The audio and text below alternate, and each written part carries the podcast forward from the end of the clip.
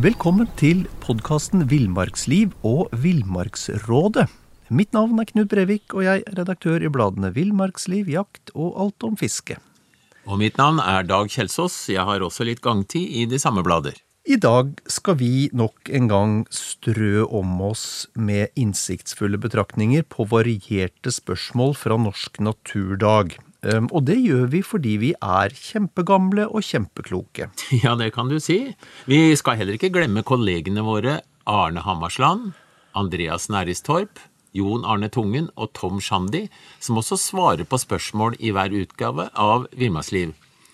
Og lyttere som har spørsmål eller tips til temaet, Knut, de kan gå inn på www.podkastenvillmarksliv.no, podkasten Villmarksliv i ett ord og med K, podk-asten Villmarkslien. Ah, Ja. vidunderlig, vidunderlig. Ja, Ok, rett på første spørsmål i dag, og det er et spørsmål om laks. Og siden du er en dreven laksefisker, det har jeg ved selvsyn sett mange ganger, så får du den.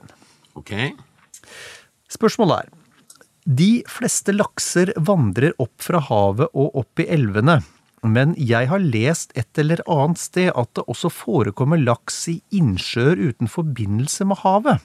Stemmer dette, spør innsenderen. Ja, det stemmer. Eh, For laks som bare forekommer i ferskvann, det kalles reliktlaks. Eh, Det er nok laks som ble igjen i vassdragene etter landhevingen ved siste istid. Eh, I Norge har det blitt beskrevet tre slike laksepopulasjoner.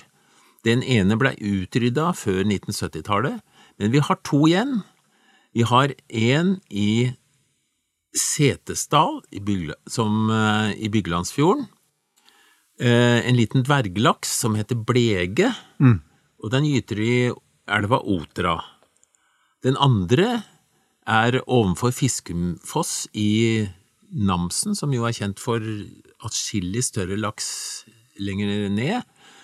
Eh, og den kalles for småblanken. Kan jeg bare få skyte inn en ting der? Ja, Fordi her, dette er også Jeg bodde jo, jeg bodde jo et års tid i, i Grong.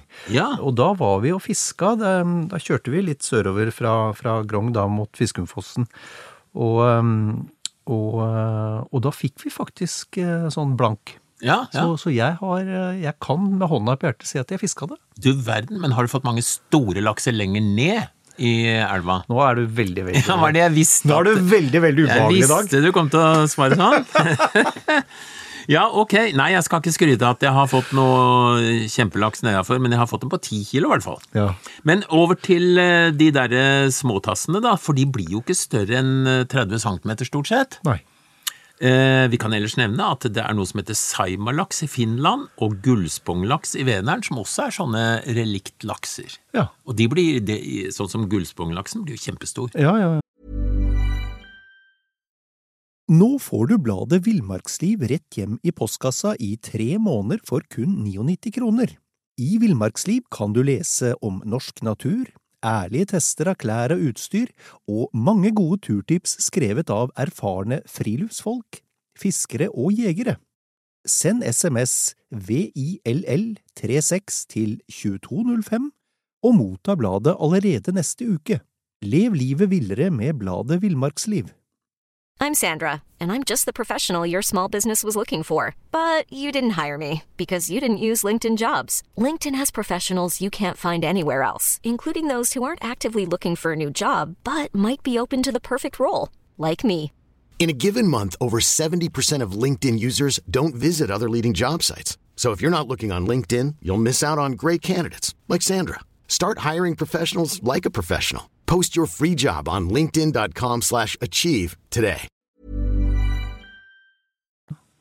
Men du, eh, nytt spørsmål.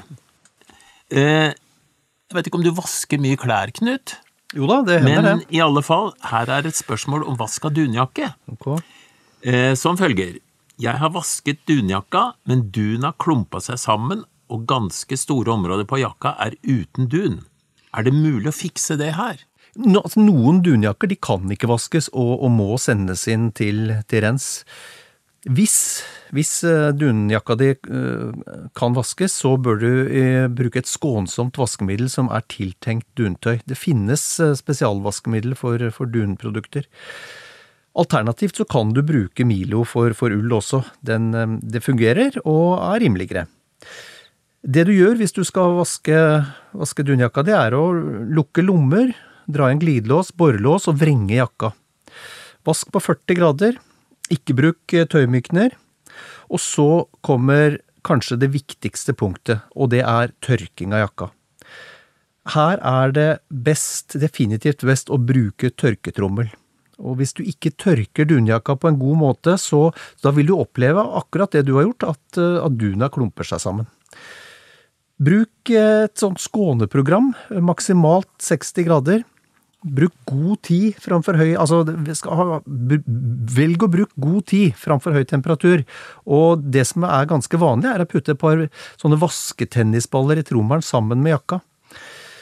Eh, ikke bruk de vanlige tennisballene, de, de kan sette lukt i klærne når de blir varme. Men bruk disse vasketennisballene som spretter rundt og, og sørger for så jevn fordeling av, av duna. Ta ut jakka en gang iblant, og, og den, slik at du flytter litt rundt på dyna. Um, og, og hold på helt til det, det, virker som om all dun er tørr. Det kan ta litt sånn ulikt med tid, litt fra, fra modell til modell og tykkelse. Og når du er ferdig med det, så henger du jakka på en tørr og luftig plass. Og jeg, jeg vil råde deg til å, å jeg vil råde deg til å prøve den jakka som du nå har åpenbart eh, ødelagt litt. Jeg vil råde deg til å prøve å vaske den en gang til etter den eh, fremgangsmåten som jeg har vært gjennom nå, så se om det hjelper. Knut, jeg fikk lyst til å føye til en ting når det gjelder eh, vask generelt av friluftsklær, hvor vi har altså alt fra patroner og til dopapir i lommene. Ja. Gå gjennom og plukke ut det. Jeg har vaska jakke en gang eh, hvor det lå tyggegummi i den ene lomma. Det er ikke noe herlig når du er ferdig med den, eh, men det var en avbrytelse. Gå videre. Helt enig. Jeg har også vaska, vaska friluftstøy med, med, med, riflepatroner i lomma. ja. Det dunka fælt, og jeg har ikke tatt sjansen på å ta med de patronene på jakt. Jeg er muligens, muligens overdrevent forsiktig, men jeg, jeg tenker at jeg vil ikke ta sjansen på å stå der med en patron som klikker. Nei. Ok, fra, fra vass og duntøy, og igjen noe som er, er et din gatedag. Og da er vi på fiskefronten. Du er jo i og for seg på flere fronter, du da, men fisking. Du er en ivrig røyefisker, eh, og, og dette spørsmålet gjelder veamark. Det er artig. Veamark er gøy. Det er lite som er så gøy som veamark. Eh, og det går som følger. Jeg har fisket røye med maggot i noen år, og det fungerer bra. Jeg traff på en isfisker som brukte noe han kalte veamark på førjulsvinteren. Han hadde fått agn av en kompis, og kunne ikke bidra mye med tips, annet enn at marken var funnet i skogen. Er denne marken å få kjøpt noe sted, spør altså innsenderen. Ja, veamark er artig. Det er for så vidt ingen mark, det er larver av trebukk. Det fins også andre de, de, er hvite, disse her, og det fins også noen andre arter som uh, har ting som holder seg mellom barken og veden, for det er der vi finner akkurat denne vedmarken. Ja.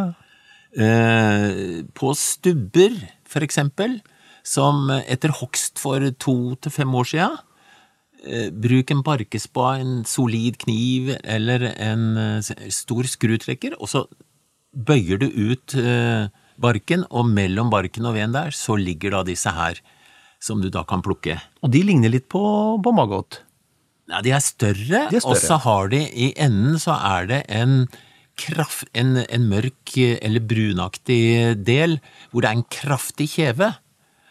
Og jeg skal love deg, jeg har, jeg har faktisk hatt sånne som har bitt, meg, bitt, seg fast i fingeren min, og det gjør vondt. altså. De, de, små tassene der er kraftige, for de skal jo grave seg inn og, og, og i ved, ikke sant? Ja, ja. Så når du da har plukka sånne, så må du ikke legge dem i en eske sammen, for da biter de i stykker hverandre, rett og slett. Okay. Så det du må gjøre, er for eksempel da å ta en trebit og bore mange høl, og så får de hvert sitt hjem sin lille hybel? Legg dem, legg dem på huet nedi eh, hvert sitt hjem, og så må du selvfølgelig ha et lokk over. Ja. Og da kan du oppbevare dem. Og eh, det fine med de er at de tåler jo kulde mye bedre enn eh, maggot, som jo dør hvis det blir kuldegrader. Ja, ja, ja. Så du kan oppbevare dem sånn, men du kan også faktisk forvelle dem.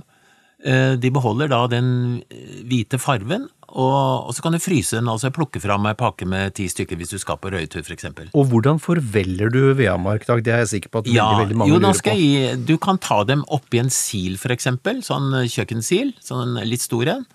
Eh, og så har du kokende vann et sted, og så dupper du den silen nedi der, bare et par-tre minutter.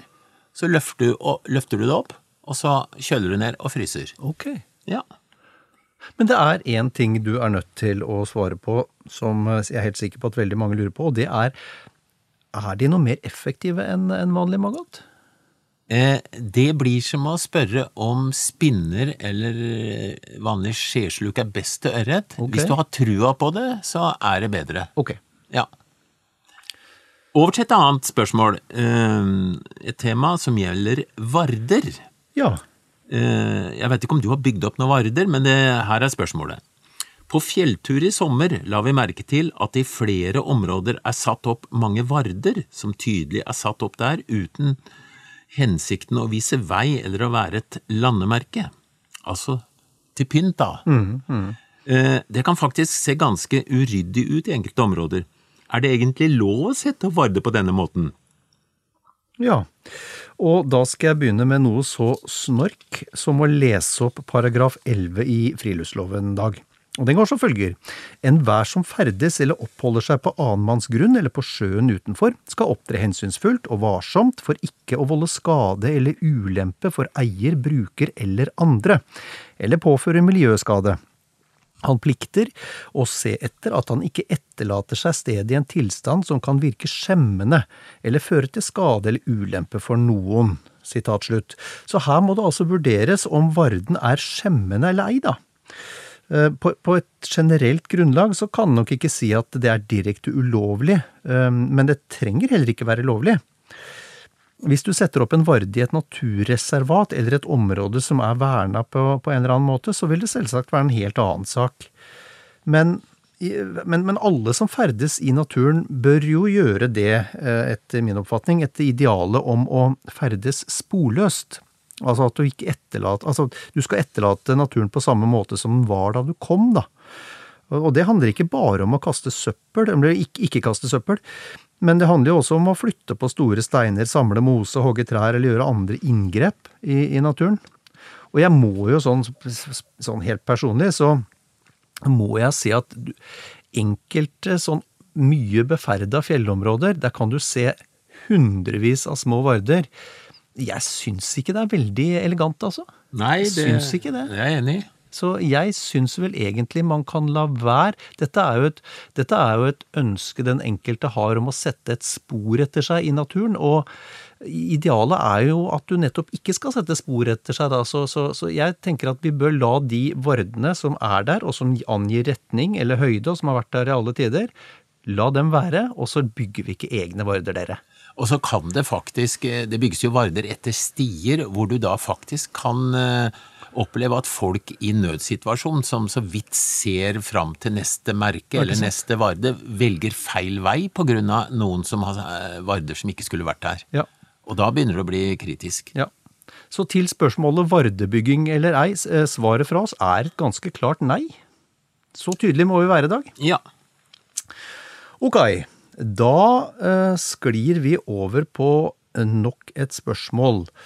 Og det går på, på ski. Du er jo en dreven, du er en dreven skiløperdag. Du, er jo, du har jo en fortid i skiløperkomponiet. Jo, men at jeg har gått fra deg på ski, Knut, det betyr ikke nødvendigvis at jeg er dreven. Altså, får jeg bare stille spørsmål, Dag? Har du noen gang gått Birken på ski? Du, har du noen gang vært bedre enn de fem siste, er mitt spørsmål da. Eller på premielista, altså. Ok, her er, her er spørsmålet i hvert fall. I fjor var jeg en tur på vinterjakt etter fugl, og hadde dårlige erfaringer med for smale ski. Lurer litt på hvilket merke og type dere vil anbefale for relativt løs og dyp snø i fjellskog med furu. Lurer også litt på hvilke bindinger som er best. Ja, det her er et uh, artig spørsmål, fordi vi, uh, vi har ikke så mye tradisjon for sånne typiske jaktski, for eksempel, som du finner i Sverige og, og Finland her i Norge.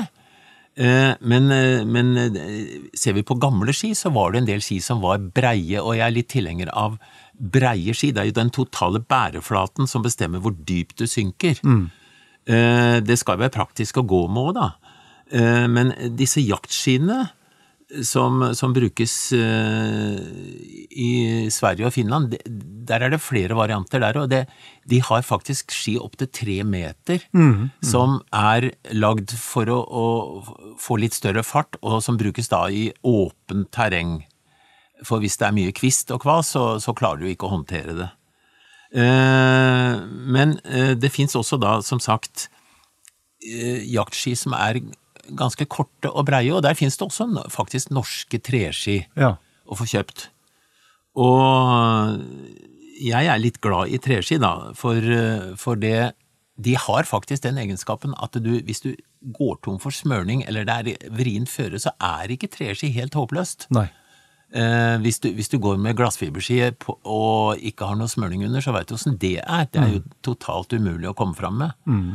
Eh, men, men eh, så, så, så du kan Men altså, sånne moderne randonee-ski, for eksempel, de er også fine å bruke eh, som jaktski, for eksempel. Med bredde og god styring videre. Eh, når det gjelder bindingene, så de bør for det første være solide. Og, og du kan godt bruke den, en sånn BC-binding med solide støvler og, som du kan, som tåler litt juling, da. Moderne tåbindinger, de tåler ikke så mye vridninger, og støvlene gjør heller ikke det. Sjøl er jeg faktisk veldig glad i bindinger av den gamle typen. Husker du eh, hva slags bindinger du hadde som barn da du gikk på ski? Det sånne- har starta med Kandahar, ja. og du gjorde det, ja? Ja, ja. ja? Ja, men det er heller ikke det verste, skjønner du. Nei. Men det fantes også sånne eh, lærbindinger med sånn derre pose, holdt jeg på å si, som du setter her nedi, ja, ja, Eh, og som er veldig stødig med tå, eh, snor eller reim foran. ja. Eh, Sånne får du også kjøpt i dag, og de, de har den fordelen at du kan putte hva slags støvler du vil nedi der, bare justere bredden foran, så får du faktisk eh, solide vinterstøvler av gummi eller jaktstøvler nedi der. Mm, Mm, Men- men tenker... det er mange muligheter, men du må tilpasse det etter forholdene, for det er veldig forskjellige ski som passer til eksempel skareføre eller dyp snø, da. Ja, ja. Nei, for hvis vi ser på noen av de gamle, gamle tegningene av, av ski, altså no- norrøne ski, så de varierer jo egentlig fra nesten det trugekortet til, til, som du sier, skipet ski på over tre meter. Så det er jo tydelig at den Altså, de, de hadde jo et, en variert utvalg modeller til ulike Sannsynligvis til ulike fører, men også varierte det vel litt fra hvor i, hvor i, i Norden de befant seg, disse folka? Ja, det, det, du kan jo tenke deg hvis du skal gå i skrått terreng med mye kratt, da er det jo helt umulig å håndtere veldig lange ski. Hvis du, eh, og hvis du detter litt nedi, så skal du liksom løfte skiene da, når du går sideveis oppover en bratt bakke, og det blir ikke så enkelt. Nei. Men skyver du skiene framover, og de har stor tupp, så bygger de seg opp i snøen, og så er det lett å gå eh, forholdsvis fort. Ja, ja. Så, så ja, ja til både korte, breie, og til litt lengre og ikke riktig så breie ski. Og morsomt lite poeng da, det er jo at eh, det med feller er jo egentlig heller ingen nyhet. De brukte feller tidligere òg, men da brukte de dyre, dyrepels. Nemlig, nemlig. Ja. Og så har jeg bare lyst til å avslutte med det, Dag, det provoserende spørsmålet ditt innledningsvis her, om hvor mange som var etter meg i Birken i 1996. Det var ni. Så jeg var ikke Var det dårligst. ni som etter, ja? ja Så jeg nei, var men ikke av, dårligst. av 2000 deltakere så er ikke det dårlig plassering, Knut. Gratulerer.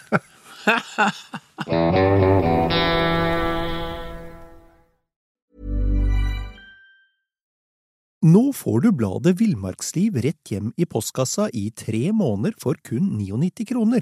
I Villmarksliv kan du lese om norsk natur, ærlige tester av klær og utstyr, og mange gode turtips skrevet av erfarne friluftsfolk, fiskere og jegere. Send SMS VILL36 til 2205 og motta bladet allerede neste uke. Lev livet villere med bladet Villmarksliv. Hold up. What was that? Boring. No flavor. That was as bad as those leftovers you ate all week. Kiki Palmer here, and it's time to say hello to something fresh and guilt-free. Hello Fresh. Jazz up dinner with pecan-crusted chicken or garlic butter shrimp scampi. Now that's music to my mouth. Hello Fresh. Let's get this dinner party started. Discover all the delicious possibilities at hellofresh.com. Even when we're on a budget, we still deserve nice things. Quince is a place to scoop up stunning high-end goods for 50 to 80% less than similar brands. They have buttery soft cashmere sweaters starting at $50, luxurious Italian leather bags, and so much more. Plus, Quince only works with factories that use safe, ethical, and responsible manufacturing. Get the high-end goods you'll love without the high price tag with Quince. Go to quince.com/style for free shipping and 365-day returns.